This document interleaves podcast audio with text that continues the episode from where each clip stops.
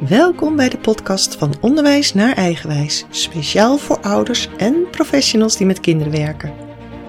Feit is dat alles verandert, maar geldt dit ook voor ons onderwijs? Mijn roots liggen in het veld, eerst als leerkracht en later als schoolcoach en trainer. En nu ga ik, Karen Karton, samen met jou op onderzoek of en hoe we alle eigenwijze kinderen, de Nederlandse burgers van de toekomst, zo goed mogelijk begeleiden naar volwassenheid, zowel op school als thuis. Tegenover mij aan tafel zit Anne Steenkamp. Ze is een multigetalenteerde asperger met een IQ van 143. Hoi Anne. Was dit al meteen bekend? Wat? Dat ik. Nee toch? Dus vertel mij eerst maar eens eventjes. Wat was jij voor kind? Ja, ik was een. ehm, Nou, ik was eigenlijk een kind die al. Ik turnde vanaf mijn vierde. En ik speelde piano vanaf mijn zevende. Want ik moest eerst blokfluit spelen.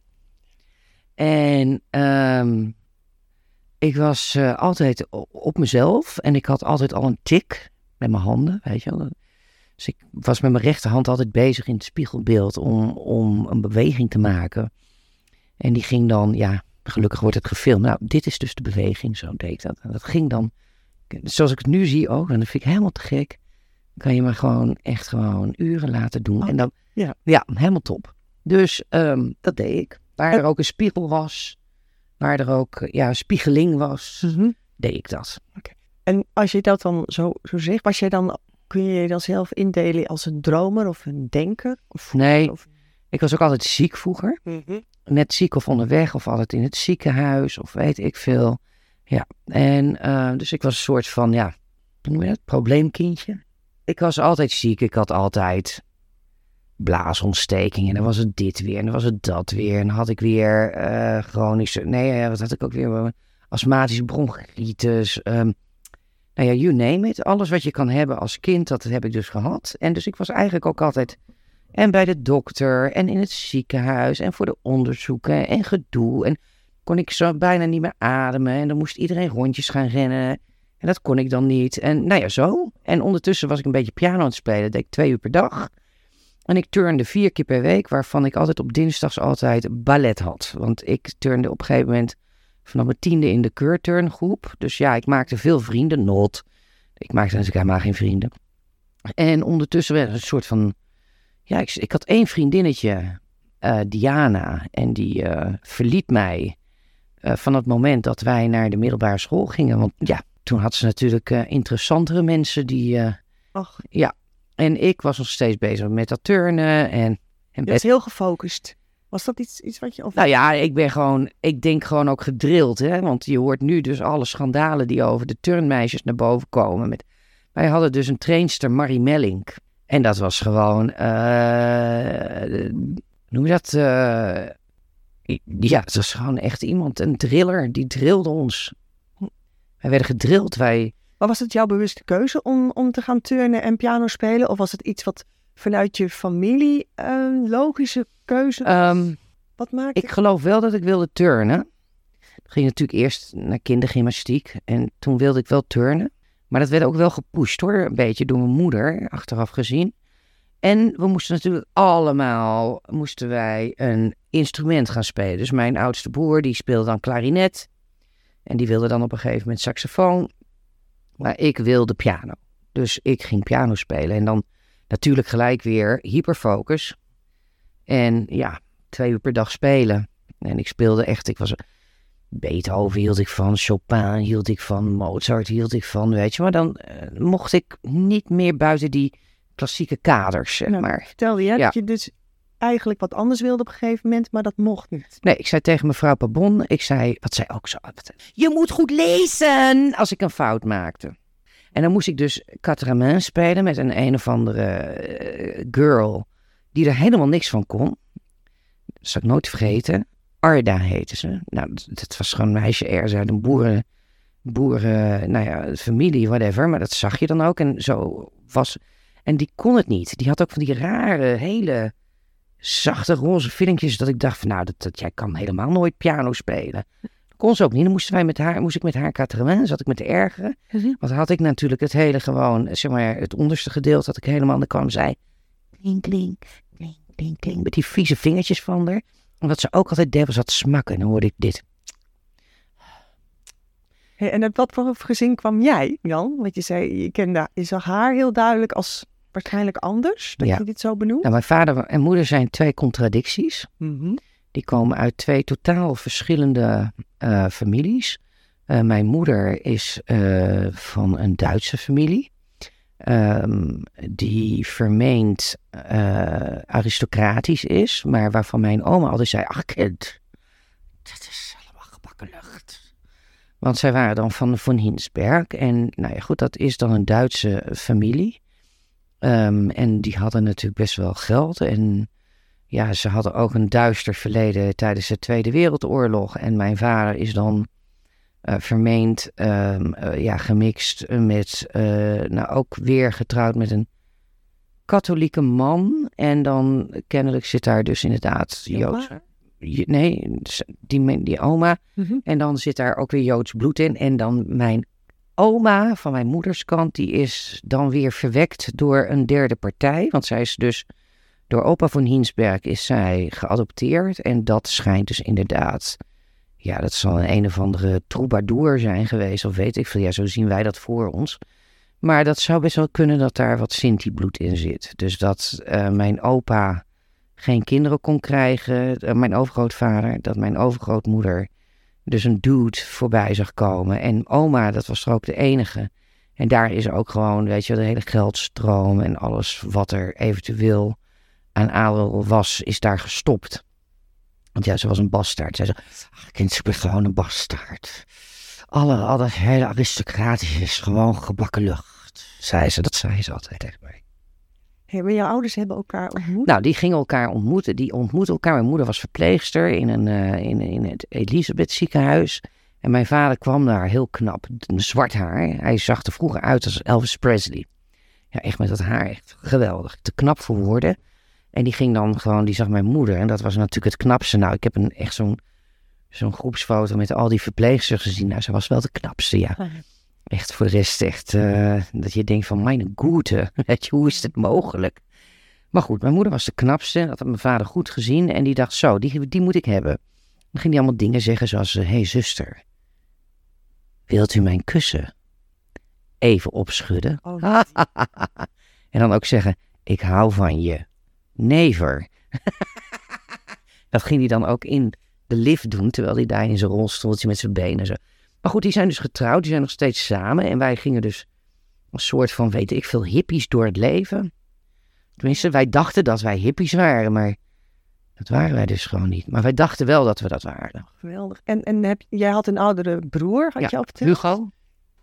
Ja, die is dood. Oké. Ja, die heeft zich opgehangen toen ik eh, in de eerste klas van de middelbare school zat. Wow. En eh, die heeft dag, op 30 april afscheid van mij genomen. Toen heeft hij gezegd, Anne, ik kap ermee. Want hij fietste met Koninginnedag. En, en toen zei ik, waarmee dan? Hij zei, ja, met alles. Ik zei, wat bedoel je dan met alles? Ja, gewoon met alles. En toen de volgende dag moest ik naar het verjaardag van Annemarie. Dat zal ik nooit vergeten.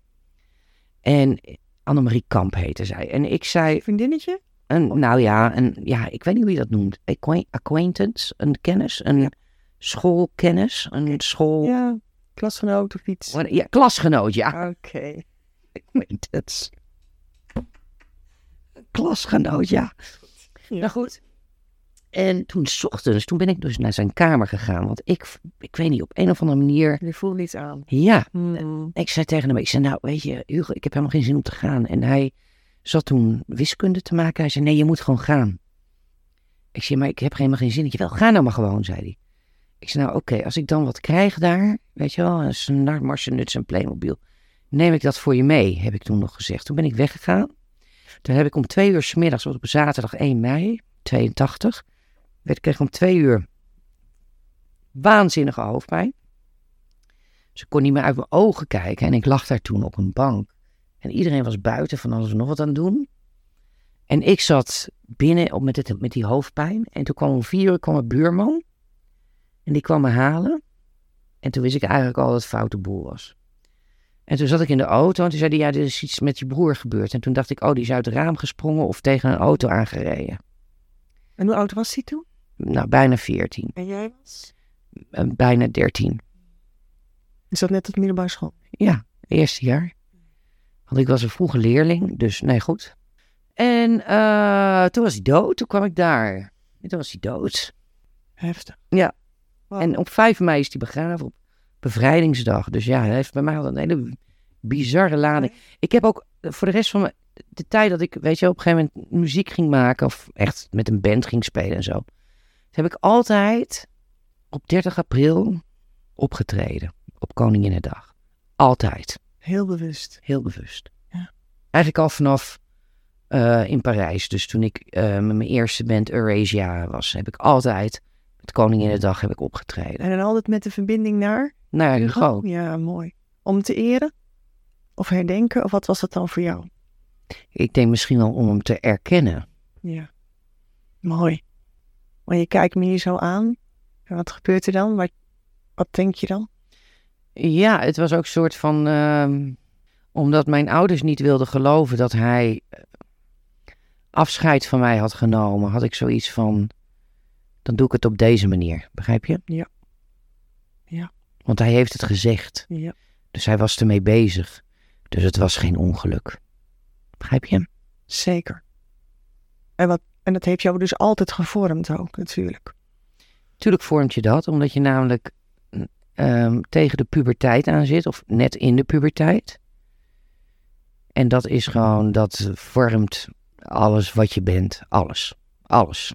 Anything. Dus ik ging ook van VWO naar eh, gedwongen MAVO-examen. Dat was natuurlijk niet te doen. En ik had natuurlijk, ik weet nog wel, weet je dan zat ik in de klas. Dan hoorde ik allemaal dingen. En dan zat ik naar het raam te kijken. En dan kwamen er allemaal teksten in me op. Weet je wel? En heb ik altijd al gehad. En melodie, melodietjes. Of, eh, weet je wel, dan zat een... eh, chill, chill, chill, chill, chill, chill, chill, chill. En dan moest ik de zeven aardlagen le- leren. En I didn't give a flying fuck, weet je. En dan had ik geschiedenis en had ik een een of ander... Ja, moest ik een eindexamen doen. En dan had ik een... eh, mijn, mijn, mijn eindexamenopdracht was dan over de Titanic. Nou, en toen kwam Cor, onze geschiedenisleraar, onze hele stoere man. eh. Cor praat ook altijd beetje zo. En dan zei hij van, eh, nou, wanneer is eh, de Titanic gezonken, Anne? Ehm 1921? Anne, heb jij überhaupt wel gewoon, heb je het niet gewoon overgeschreven? Nee, nee, nee, nee. Maar eh, hoe is het dan gezonken? Ehm dat weet ik eigenlijk niet. En toen op een gegeven moment, toen zei deze man tegen mij, hij zei, weet je Anne, ik geef jou gewoon een zeven. Het is goed zo. Die had echt zoiets van, ja, dit is gewoon, dit slaat, dit wil zij niet. En dit kan zij, of ze wil het niet, she doesn't give a shit. En wanneer is het dan bij jou duidelijk geworden dat jij eh, eh, zo'n hoog IQ had? Wanneer is dat onderzocht dan? Ah, dat is al, ik ben al een keer onderzocht op eh, middelbare school. Ben ik al een keer uit de klas getrokken en toen moest ik een IQ-test, omdat ik tienen en nullen haalde. Maar ja, als je tienen en nullen haalt, dan haal je het jaar ook niet, weet je wel. Dus toen hebben ze mij een test laten doen, het duurde twee uur. Kan ik me nog herinneren, met allemaal blokjes. En dan had ik, kreeg ik een papier en dan moest ik eh, allerlei eh, dingen moest ik oplossen. En dat was allemaal heel logisch. Weet je wel, en dan, ik, ik had het toen al door, weet je, en dan stelden ze een vraag. En daar had je dan multiple choice. En dan moest je even kijken van, oh, wat willen zij? Wat willen zij? Ja. En dan kwam je diezelfde vraag, kwam je dan tien vragen later weer tegen, maar op een andere manier gesteld en op een andere volgorde. Dat is heel, eh, weet je, ik heb fotografisch geheugen, dus ja, ik denk, oh, wacht, oh, die hadden we al. Even terug. En ik deed ook altijd binnen de tijd. En toen op een gegeven moment ben ik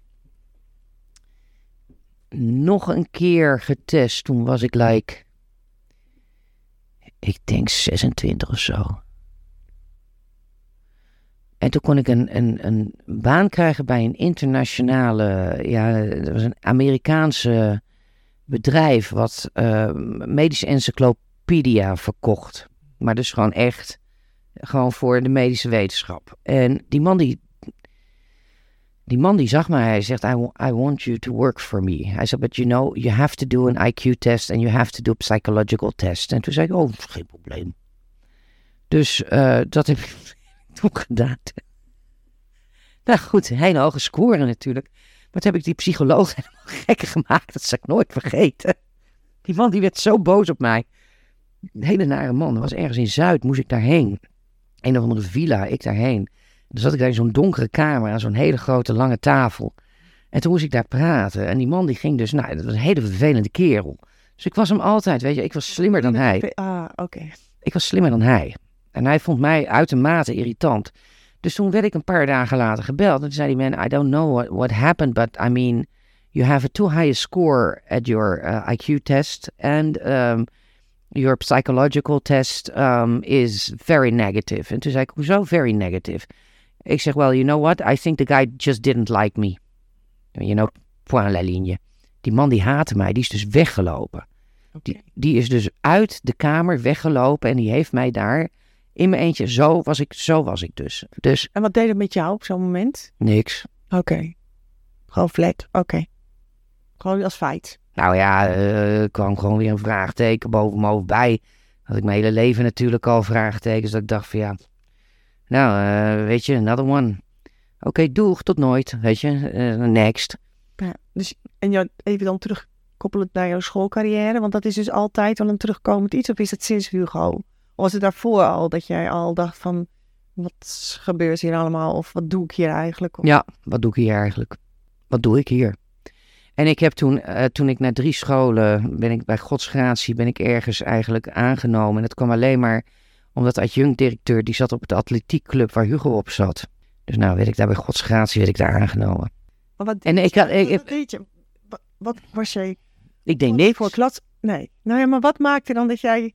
Dat, dat ze met jou zoveel moeite hadden? Want dat is volgens mij wat je zegt. Ze hebben moeite... Omdat, nou ja, goed, ik zag niet echt het nut in van hetgeen wat ik aan het doen was. Maar voor example had ik wiskunde, had ik hele hoge cijfers. Engels, hele hoge cijfers. Nederlands, hele hoge cijfers. Ik had eh, Frans, hele hoge cijfers. Ehm, hoe heet het ook weer? Eh, handvaardigheid, hele hoge cijfers. Maakte de meeste mooie dingen, maakte ik. Maar ja, eh, dat biologie, al die beta, nou ja, weet je, het was wel een beetje een soort van nou, hanging towards beta. Maar dat geschiedenis en dat aardrijkskunde, whatever, weet je, had ik zoiets van, wat, wat doe ik hier voor fuck's sake? Wat moet ik hier doen? Weet je wel? En ik vond het allemaal... En ik had faalangst. Dus dan wist ik alles. En dan kreeg ik dat, ik, dat repetitie of die examen, of hoe noem je dat ook weer? En dan kon ik het niet. Dan kon ik het wel, maar dan kon ik het niet. Dus ik heb op een gegeven moment gevraagd... ging dan de, de, de error? Was het De, de, de, de druk, de pressure. precies op, op dat moment het moeten doen? Altijd die pressure. Dat je iets moest doen waar je geen zin in had. Dus waarom zou ik iets moeten doen waar ik geen zin in heb? Terwijl je het wel kan. Ja, maar daar gaat het niet om. Je moet nooit iets doen waar je geen zin in hebt. Je moet nooit iets doen waar je geen zin in hebt. En dat is dus zeg maar het schoolsysteem hier in Nederland. Je moet altijd dingen doen waar je geen zin in hebt. En ik vond dat totaal useless. Dus totaal begreep daar helemaal niks van. En toen heb ik op een gegeven moment tegen mijn ouders gezegd: ik wil naar Beeldhoven, naar de vrije school, naar de werkplaats. Ja. En dat mocht ik niet. En toen moest ik dus naar onze lieve vrouw ter één. En argumenteerden ze dat eh, naar jou? Of- Ja, want dat was dan te ver reizen. Ik zeg, I don't care. Ja, dat was dan 2,5 uur, 3 uur. Ik zeg, I don't care. Ik was daar gewoon voor zes, om zes uur 's ochtends voor opgestaan. En hoe kwam En had ik- school? Hoe kwam je, hoe wist jij? Omdat zo? namelijk het meisje, mijn, die zat ook bij mij in de klas, zat een meisje van eh, de Weerman, de toenmalige Weerman van RTL 4, die zat bij mij in de klas. En dat was net zo'n regelrechte ramp. En die ging dus daarheen. En toen zei zij, jij moet ook naar de, de vrije school. En toen ben ik dat gaan uitzoeken. Dus toen ben ik, eh, kan ik me nog herinneren, naar een, eh, een bibliotheek gegaan. Want dat was allemaal analoog in Amersfoort. En toen ben ik daar dus gaan zoeken, ehm, dus met een mevrouw van de bibliotheek. En die heeft mij dus documentatie van de vrije school in Beeldhoven. was de eerste vrije school. Volgens mij is die opgericht door een, een of andere prinses, geloof ik. Eh, dat vertelde ze mij. Volgens mij die eh, Schelen, volgens mij. Of wat was het? Die Irene, geloof ik. Christine. Christine is de, Ja, die heeft hem is de opgericht. jongste. Ja, Die heeft hem opgericht. Ehm, en ik vond het helemaal te gek, weet je, want er was een boekje. En daar las je dan precies in wat ze daar deden. En dat je dus helemaal vrij was. Dus zeg maar, Volgens mij bestond Kees Boeken, eh, die, je bedoelt toch die school? ja, Ja, die bestond al eerder, maar daar heeft, Juliana heeft iedereen daarheen laten gaan, volgens mij. Al die prinsessen zijn op die school. nee, nee, nee, dat was opgericht. Nee, dat was niet Julia, dat was die andere school. Dat was toen al een voorloper van de vrije school. Eh, de, de werkplaats is eh, opgericht, volgens mij, of mede door eh, Ch- Christina, volgens mij. Ja, want dat weet ik, kan ik me nog herinneren, dat het een van die prinsessen was. En dat al die prinsessen, die hebben inderdaad ook zo'n soort van opleiding of zo'n middelbare school gedaan. Maar wat ik heel, ehm, heel interessant was, was dat ze je zeg maar stimuleerden in hetgeen waar je dus in uitblinkte. Ja. Begrijp je? Dus dat je dus, nou stel je voor je bent een beta-kind, nou dat je dus gewoon, een, weet je wel, helemaal daarin gepusht wordt of zoals ik, weet je wel, een multitalented, weet je, dus dat je in meerdere dingen heel goed bent. En dat je dat dan daar ook mag uitdragen. En dat de dingen waar je dus gewoon eigenlijk helemaal geen interesse in hebt. En daar ging het natuurlijk al. Wat is natuurlijk het probleem als je hoogbegaafd bent en je hebt een bepaalde vorm van autisme. Dan heb je een overdevelopment in een bepaalde hoek en een underdevelopment in een andere hoek. Dus voor mij was het dan deels sociaal of tegen de boel aantrappen of weet ik veel. Maar ook gewoon een totale desinteresse voor hetgeen. Waar ik gewoon, waar ik gewoon dacht van ja, waarom, moet- waarom moet ik dat leren? Ik ben met hele andere dingen bezig. Weet je wel? En eh, dus dat is, denk ik, ook waar het bij heel veel kinderen op stuk gelopen is. En waardoor heel veel kinderen eigenlijk onder hun niveau ergens soort van diplomaatje hebben gehad. Dip- diploma. Ik weet nog wel, ik kreeg mijn diploma. En er stond daar een, eh, een of andere, ik weet niet eens meer welke, welke leraar dat was. En die zei van, goh, heb je het ook gehaald? Nou, dat had ik niet verwacht. Dat meen je. Ja, joh man, echt. Van alles. Ik heb van alles naar mijn hoofd gekregen. Altijd van alles naar mijn hoofd. Ze zijn ook werkelijk waar, in die tijd waren ze ongegeneerd. Ehm, de- die leraren die hadden de ongepaste arrogantie, om het maar even zo te zeggen, om gewoon jou als een soort van totale klapmongol af te schilderen. Nou ja, en En heb je het dan wel over de middelbare school? middelbare school, ja. Oké.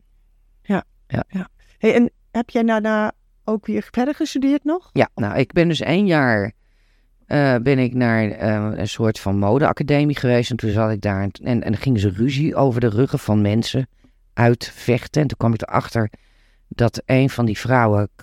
Caroline Groenendaal, nou leg je allemaal je patroontjes voor je. Pak je mee, tomaatje. Zo praten ze. En die ging dus aan onhippe meisjes onvoldoende schreven. Toen ben ik met die rechte rokjes van die onhippe meisjes naar die andere zelfde lerares die hetzelfde vak gaf in een andere. We waren in twee gesplitst. En die gaf die meiden voldoendes. En toen zat die Kathleen voor mijn ouders, dat zal ik nooit vergeten. En die ging dus een een of ander raar verhaal ophangen. Dat ik dus gillend op de tafel stond te schreeuwen. Wat ik helemaal nooit gedaan had. En ik zei tegen mijn ouders, dat is helemaal niet waar. Hou je mond! Wij geloven je niet, dus ze hebben mij ook nooit geloofd. Dat vond ik ook heel erg. Zij hebben mij nooit geloofd. De ouders. Ja, ze hebben mij altijd een soort van totale fantast of gek of weet ik veel, of whatever. Nou, toen ben ik naar Parijs gegaan. Ik was ook zo in Parijs. Ik zat binnen twee weken. Ja, wat wil je dan? Ik wil naar Parijs. Nou, toen zat ik in Parijs. En toen kwam ik ineens binnen no time in de modewereld terecht. En hoe oud was je toen? Of? 17. Ja. En toen eh, ging ik, eh, within no time, werkte ik voor de, was ik assistant redactrice en chef. En ik sprak ook heel snel Frans. Ik ging daar naar de Frans langue, maar na drie maanden zeiden ze, ja weet je, jij spreekt zo goed Frans. Je kan nog wel een, een, kwartaaltje doen, maar ehm, dat is alleen maar, je- ik sprak het, ik las het, ik, ik schreef het. Ik ben daarna ook gewoon daar gaan werken. En toen ben ik uiteindelijk, is dat blad, het Mode Mod Magazine, is failliet gegaan. En toen ben ik voor, door Linda Moren, dus de redactrice en chef mode, ben ik bij Thierry Mugler terechtgekomen. Dus bij eh, de grote modeontwerper Thierry Mugler. Toen was ik 18. Nou, en toen was ik terug in Nederland. En toen ben ik in de confectie gegaan door eh, een van mijn beste vrienden, mijn oudste vriendje Wouter.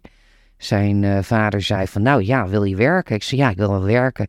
Nou, voordat ik het wist, eh, werkte ik bij een, een confectionair. nou ja, zo.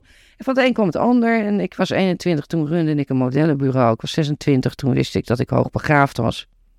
Echt, toen wist ik echt wel mijn IQ. Toen wist ik wel dat. Ik had toen generale uh, test gedaan. En die generale testen komen altijd een beetje meer lager uit. Omdat je dan ook te maken hebt met um, bepaalde disciplines waar je geen zin in hebt. Alright? Nou, wat er op een gegeven moment gebeurt is, weet je wel, dan op een gegeven moment word je heel goed in een aantal dingen. En ik sprak op een gegeven moment, weet ik veel, vier talen, nu uiteindelijk vijf. Um, ik deed ook nog een tijd in Libanon gezeten. Ja, dat was daarna. Maar goed, uh, dus ik deed hele groot. Ik had drie bedrijven uh, met een holding. Uh, ik was eigenlijk gewoon, ja, ik verdiende enorm veel geld. Um, ik was gewoon heel goed in wat ik deed. Ik deed hele grote dingen. Ik lanceerde merken. Ik heb bijvoorbeeld MAC Make-up, maar ik heb ook, weet je wel, bedrijven die failliet gingen, heb ik opnieuw helemaal rejuvenated en weer opnieuw gelanceerd. En met een heel creatief team. En ik heb mensen ontslagen en mensen aangenomen. Nou ja, goed. En toen ben ik naar Libanon vertrokken. Want mijn leven werd gejamd in Nederland, dus ik moest weg. Dus ik ben weggegaan. En toen kwam ik dus in een soort van anarchistisch oorlogsgebied. En ik vond het fantastisch daar. Ik denk, ik ga daar nooit meer terug. Ik ga nooit meer terug naar Nederland. Dus ik ben daar elf jaar gebleven. Op mijn veertigste ben ik getest op Asperger. Okay. Ja, door EUH, door dokter... Hoe heet die ook weer? Hij heette Fadi Gouri. En hij... In het Engels. En toen werd ik gericht getest door hem. En toen kwam de 143 uit. Ja, ja dat is best wel uh, erg. En toen ben ik getest op Asperger. Want niemand kon mij op Asperger testen. Ze konden me alleen maar op, uh, op uh, autisme. Dus, dus klassiek autisme testen. En toen bleek ik dus redelijk hoog te scoren in, in, in de Asperger More Than Just a Game spectrum. Dus toen was ik Asperger. En toen ineens kwam alles zo samen. En toen wist ik ineens, het is een superpower. Geweldig. Want daarom kan ik dus muziek schrijven. En daarom kan ik dus teksten schrijven. En daarom kan ik dus produceren. En daarom kan ik dus... Daarom ben ik ook zo goed met alles. Daarom kan ik ook al die talen spreken. Daarom kan ik ook zo goed producties draaien. Ze hebben me altijd, altijd klein, klein gehouden. Ja. En wat is dan wat jij aan, aan aan het, voor het schoolsysteem zou willen? Wat is er iets wat jij zegt van dat is zo essentieel? Dit zou ik mee. Dit, want dat, jij hebt dit meegemaakt, maar wat zou je dan willen? Want je hebt zelf ook een dochter. Mijn dochter mag doen wat ze wil, hè? Die ging forensisch analist worden. En die heeft dus die hele uh, opleiding heeft ze een laborant afgemaakt. En toen zei ze, oh vreselijk. Na een jaar stage, ze zei, oh dat wil ik nooit meer.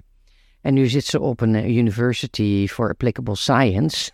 en zit ze, doet ze event management business management, vinologie en Duits.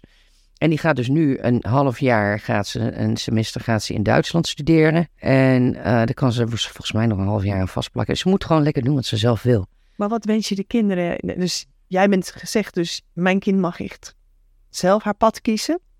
Uh, is er iets wat je mee zou willen geven in ieder geval aan, aan... Doe nooit iets wat je niet wil. Je moet altijd doen waar je goed in bent. So follow the energies and follow your talents and follow your heart. Want het is zo belangrijk. Het is zo belangrijk. En als jij denkt dat je, dat je anders bent, dan ben je ook anders. En als jij denkt dat, jij, dat je main focus naar, naar iets toegezogen wordt, dan ga je daar gewoon achteraan. En als je iets. En je moet altijd zorgen. Kijk, weet je, het is nu. Is het anders. Er zijn ook allerlei verschillen. Maar je moet in Nederland altijd vechten. Mijn dochter kwam uit Libanon, ze was twaalf. Die had al vanaf haar vierde huiswerk gemaakt. Vanaf haar zesde algebra, math, allemaal dat soort dingen. Die zat op een heel hoog niveau.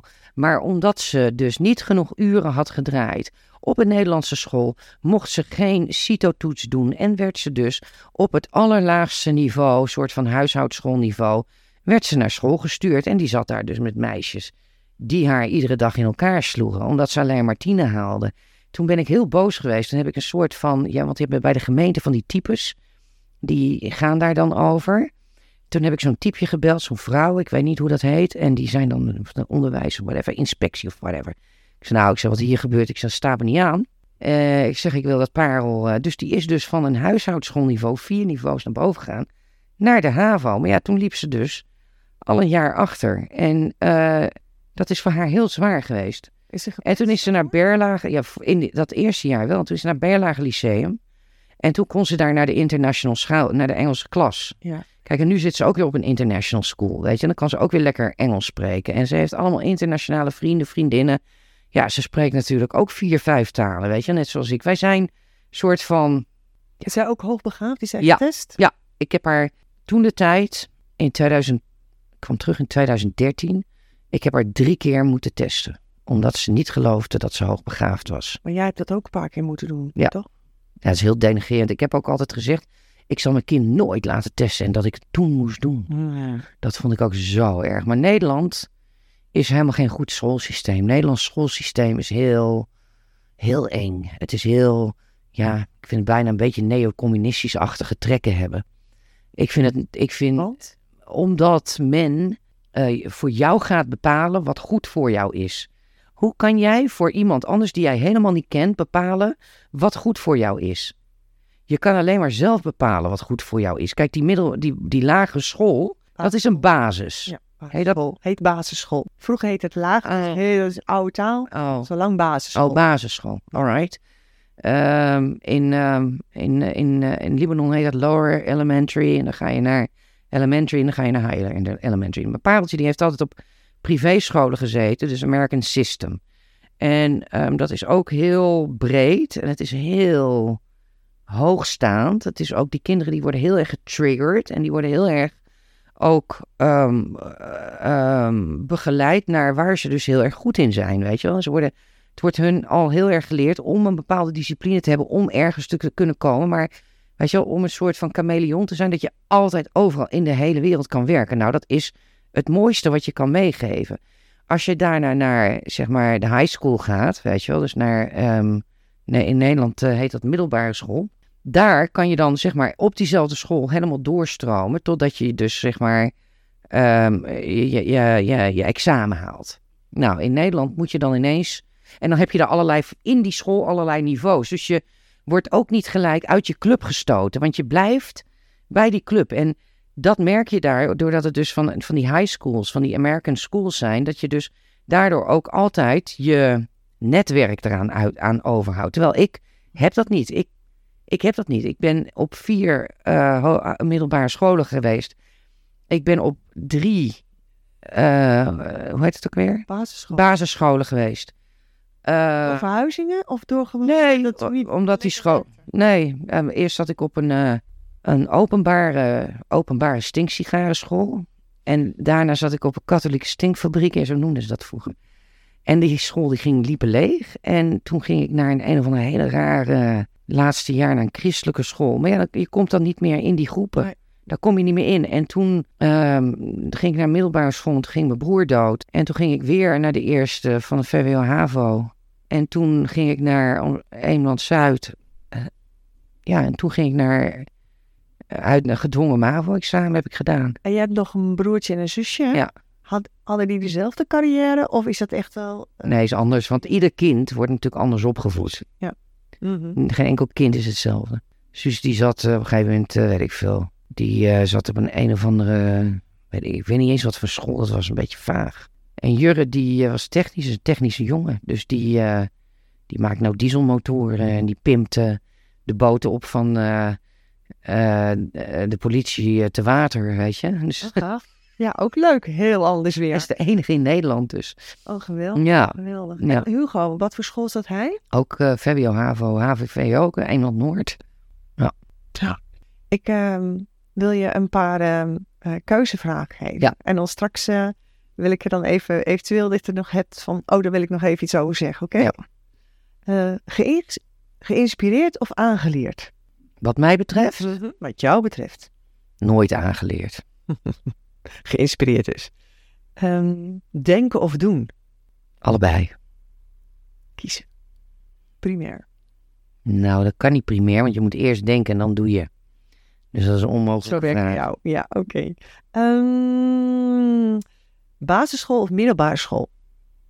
Zou ik geen van beide zeggen. Klassikaal les of individueel? Individueel. Eh, theorie of praktijk? Praktijk.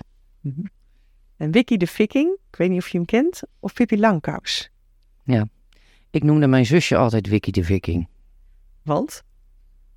Omdat zij altijd mijn vader zag als eh Hagar.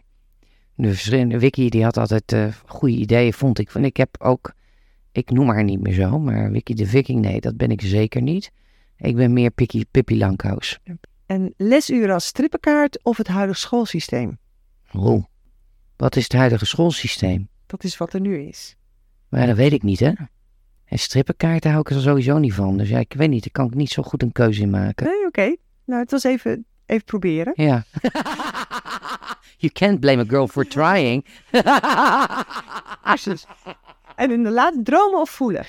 Alle twee. Wat komt bij jou eerst? Alle twee. Het, het is niet. eh, het is alle twee. Dus, eh, dat is, staat los van elkaar. Want dromen, nee, dat kan je niet eh, mij laten kiezen. Nee, want als je niet droomt, dan voel, dan- dan- als je niet kan voelen, kan je niet dromen. Als je niet droomt, kan je niet voelen. En als je droomt, dan kan je dingen waarmaken. En die, die, dus dat dromen en voelen, dat is. En dat komt altijd alle twee een soort van. Weet ik veel, op hetzelfde moment. Het is niet dat je eerst gaat dromen en dan gaat voelen, of eerst gaat voelen en dan gaat dromen. Dus daar kan ik ook niet van kiezen. Mooi, mooi. Helemaal goed. En ehm, heb je er eentje waar je nog verder nog iets over wil zeggen? Of waar is ze wel goed voor jou? Want eh, je zegt heel duidelijk eh, eh, geïnspireerd, hè? Dat is ook zoiets wat je zegt. Dus dan komt weer terug op dat dromen en het voelen. Dat hoort bij elkaar. Ja. Want, kijk, ik had mijn eerste bedrijf toen ik 26 was. Ik heb mijn eerste bedrijf gered van, het eerste bedrijf gered van faillissement toen ik 21 was. Ik heb met mijn ex-vriendje, Mike, heb ik American Day opgericht. Het was niet mijn bedrijf, maar dat heb ik... En dat waren allemaal, dat waren, was allemaal cowboy. Ik was 17, 18 toen ik in Parijs dingen deed waarvan je alleen maar kan dromen. Wat je, maar waar je heel goed voor moet zijn. Daar moet je getalenteerd voor zijn. Dus daar komt dan ook dat hele gevoel bij. Als je dat niet hebt, word dan maar administratief medewerker. Ik had op mijn 26e mijn eerste bedrijf met de eigenaresse van het modellenbureau, die ik van het faillissement heb gered. Ik heb nog steeds contact met haar, zij is 83. De, weet je, ik heb dat bedrijf heb ik voortgezet toen zij ging trouwen met de pianist Louis van Dijk. En toen had ik binnen twee jaar tijd had ik twee BV's, een holding en ik had een VOF met nog iemand anders. Nou, en waar het om gaat is, willen is kunnen. En als jij niet in het schoolsysteem past, weet je, maar je past wel ergens anders en je kan, je kan niemand vastpinnen op een, op een, op een, zoals wat er nu gebeurt, is dat ze heel erg, ze moet, iedereen moet een bachelor hebben en iedereen moet een dit en iedereen moet een dat. En dat ik denk van, nou, doe even normaal man. Weet je, ik bedoel, eh, ik word dus nu ook op WO-functies aangenomen, omdat ik zo ontzettend veel, en ik ben gewoon brutaal. En dan zeggen ze, ja, maar heb je een bachelor? En dan zeg ik, nou, nee. Oh, maar heb je dan een eh, HBO afgemaakt? Nou, nee. Nou, wat heb je dan wel? Ja, nou, kijk maar even naar mijn, eh, naar mijn cv. Ja. En eh, nou, eh, willen jullie ref- references kunnen jullie allemaal krijgen, weet je?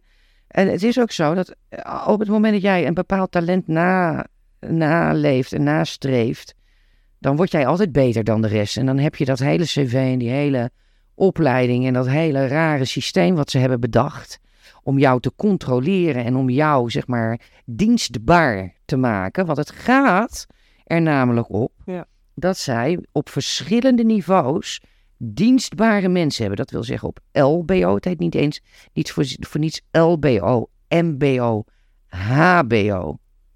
Ja, dus je moet natuurlijk de kapsters hebben en je moet natuurlijk eh, eh, de meisjes in de kantine hebben en weet ik veel. Die moeten weten hoe ze hun dingetjes moeten doen en bij de schoonmaakbedrijf en weet ik veel. Dan heb je dus van die mensen die dan ontbijtjes brengen in de bejaardenhuis, et cetera. Dan heb je de MBO'ers. Nou, dat zijn vaak de administratieve types. Die moeten dan op alle soortige administratieve functies zitten. Nou, kan je nog een beetje leuk buitendienst doen.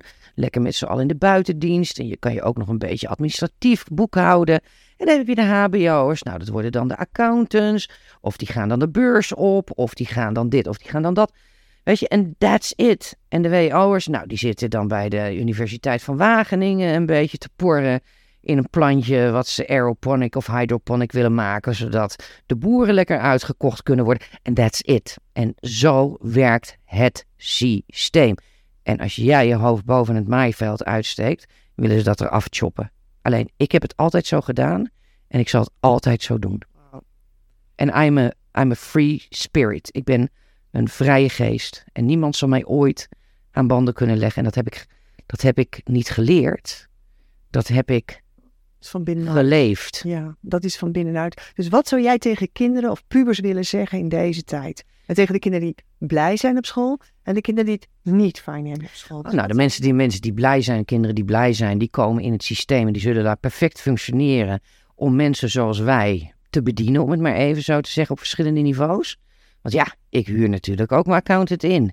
En ja, weet je, ik heb ook wel iemand nodig die eh, mijn schroefjes en mijn moertjes aan. Of weet je wel, dus dat zijn de mensen die je nodig hebt. Die het systeem, het mechanisme laten draaien. Dat is een soort van dieselmotor. Maar ik denk mensen zoals ik, en dan probeer ik niet arrogant te zijn. Dat is gewoon wat ik ondertussen wel durf te zeggen op mijn 53ste. Wij zijn de kersen op de taart. Wij maken het net even anders. En wat zeg je dan tegen de kinderen die moeite hebben met school? Die, die, die, dus, waar de ouders mee hand, eh, hand in het haar mee zitten. Wat zeg je eigenlijk tegen deze? Tegen hun? Ja. Oh, daar heb ik een hele mooie boodschap. Je moet altijd, en dat heb ik eerder al gezegd in dit interview. Je moet je talenten navliegen. En nooit tegen de energie in. Nooit tegen de wind in. Als jij merkt dat dingen niet, niet lukken omdat jij iets moet. En jij moet dit en je moet dat en je moet zus. En je kan het niet.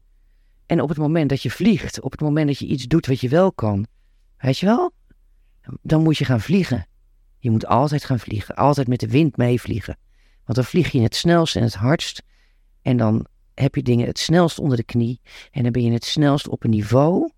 Het maakt niet uit of je ADHD, ADD... Ik ken nu een jongen, een vriend, van, een, een, een, eh, een zoon van een vriendin van mij. Nou, als je die gozer ziet, te knap voor woorden. Moos heet hij ook. Nou, het is ook een moos. Nou, die hadden ze op de Ritalin gezet. Die gozer werd helemaal zot. En eh, die zei op een gegeven moment, nou, ik slikte op een gegeven moment 30, 40 pillen. Dus die was natuurlijk helemaal hard aan het gaan op die Ritalin. En nou heeft hij dus een, is hij naar de huisarts gegaan en zei hij van, ja, nou, die Ritalin, als ik daar ooit nog voor kom, je mag me niks geven. Nou, en die doet nu dingen en die werkt nu in entertainment en weet ik veel. En op een bepaald, weet je wel, in een bepaalde scene. Die is dus nu net ontdekt door een scout. En ik zei het al tegen hem, ik zeg, Moos, maak je geen zorgen. Jij wordt een bekende Nederlander. En dat gaat hij worden. En hij zit nu in het proces. En ze willen me onder contract. Heb ik gezegd, nou, als jij een contract krijgt, ga je dat eerst naar tante Anne sturen. Ja, hij is nu 25 en hij gaat het doen. En hij was niet te doen op school, maar het is een ster. En hij heeft wel die energie die mensen hypnotized, weet je wel? Is net zoals ik had, als ik zing, ja, dan hypnotize ik mensen. Dan zie ik daar een hele, eh, nou, wat heb ik gehad? Ik heb in acht jaar, dan mocht ik heel groot, heel groot muzikant zijn. Dan heb je 20.000 man die helemaal uit een plaat gaan. En dat is het, als je dat kan, then you're special. Begrijp je wat ik bedoel? Zeker weten. En dankjewel, want echt een prachtig interview, jongens. Het is jammer als je het er niet kan zien. Want het is zo mooi eh, om jou te zien en eh, te horen. Dus echt dankjewel voor dit interview. Echt. Nou, jij ook bedankt. Ik vond het heel leuk. Dankjewel voor het luisteren. Als je nog een vraag hebt of wil reageren, stuur me dan een berichtje via karen.krachtstroom.nl Karen schrijf je met een E en krachtstroom schrijf je met de letters K, R en dan het cijfer 8. Het staat voor de verbinding van hoofd, hart en buik. En dan stroom, zoals je het zegt. Ik zou het echt tof vinden als je me een like zou willen geven. Wens je een stromende dag vanuit jouw oneindige kracht. Veel geluk!